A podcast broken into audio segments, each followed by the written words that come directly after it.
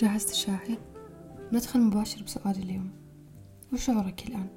سعيد؟ حزين؟ أو مكتئب؟ خلينا نقول إن جوابك كان بأنك تشعر بالاكتئاب لكن بسألك كيف عرفت؟ هل طبيب نفسي؟ أو شخص عنده الرخصة بأنه يشخص حالتك بالاكتئاب أو بس من عندك قلت إنك مكتئب بس حابة بالبداية أوضح لكم معنى الاكتئاب هو اضطراب مزاجي يسبب شعورا دائما بالحزن وفقدان الاهتمام والاكتئاب يؤثر على شعورك وتفكيرك وسلوكك مما يؤدي إلى مشاكل عاطفية وجسدية لاحظت شيء بالمعنى؟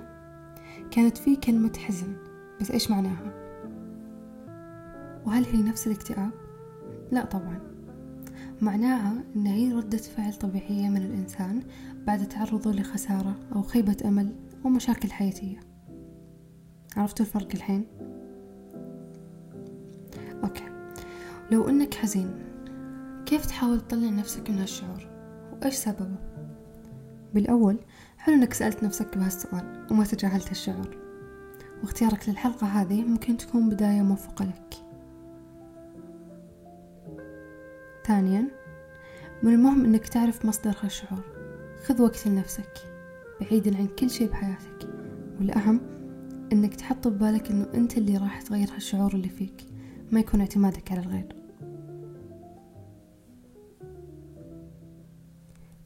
في أسباب كثيرة للحزن لكن من الأسباب المعروفة بالنسبة لي ممكن البيئة اللي حوالينك روتين يومي فقدان شخص أو ممكن ضغط دراسة.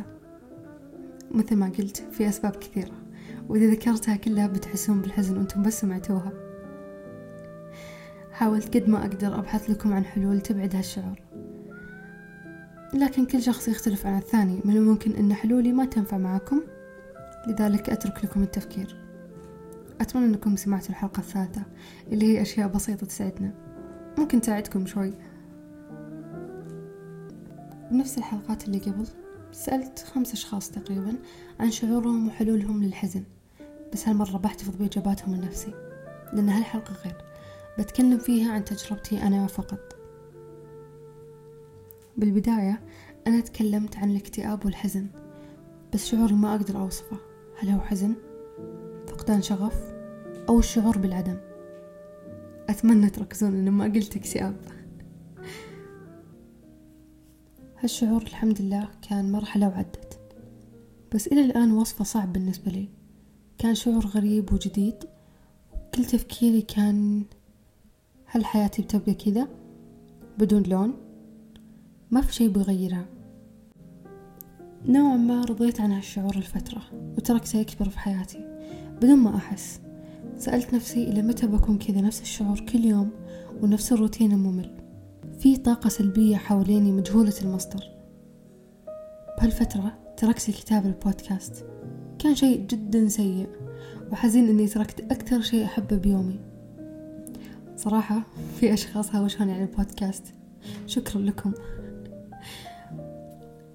وبعد هالفترة تركت كل شيء وقعدت مع نفسي وعرفت سبب الطاقة السلبية. كانت ما بين شيئين. ما بين أشخاص حواليني وروتين ممل. ما أعرف هل هو شيء محزن أو لا لكن بعدت عن الأشخاص وتركتهم. بديت أحس بفرق بعدها. غيرت روتين يومي وأحاول أني أضيف أشياء جديدة أسويها. والآن رجعت للكتابة وأسجل لكم بكل حب.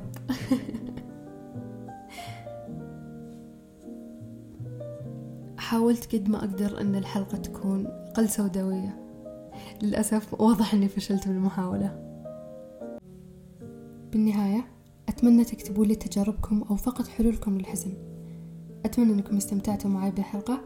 لو في موضوع معين حابين نتكلم عنه لا تنسون تشاركوني إياه في تويتر الخاص لكاسة شاهي وشكرا لكم على ال comment وال rating وكل شيء. صدق كلامكم له مكان خاص في قلبي. وشكرا.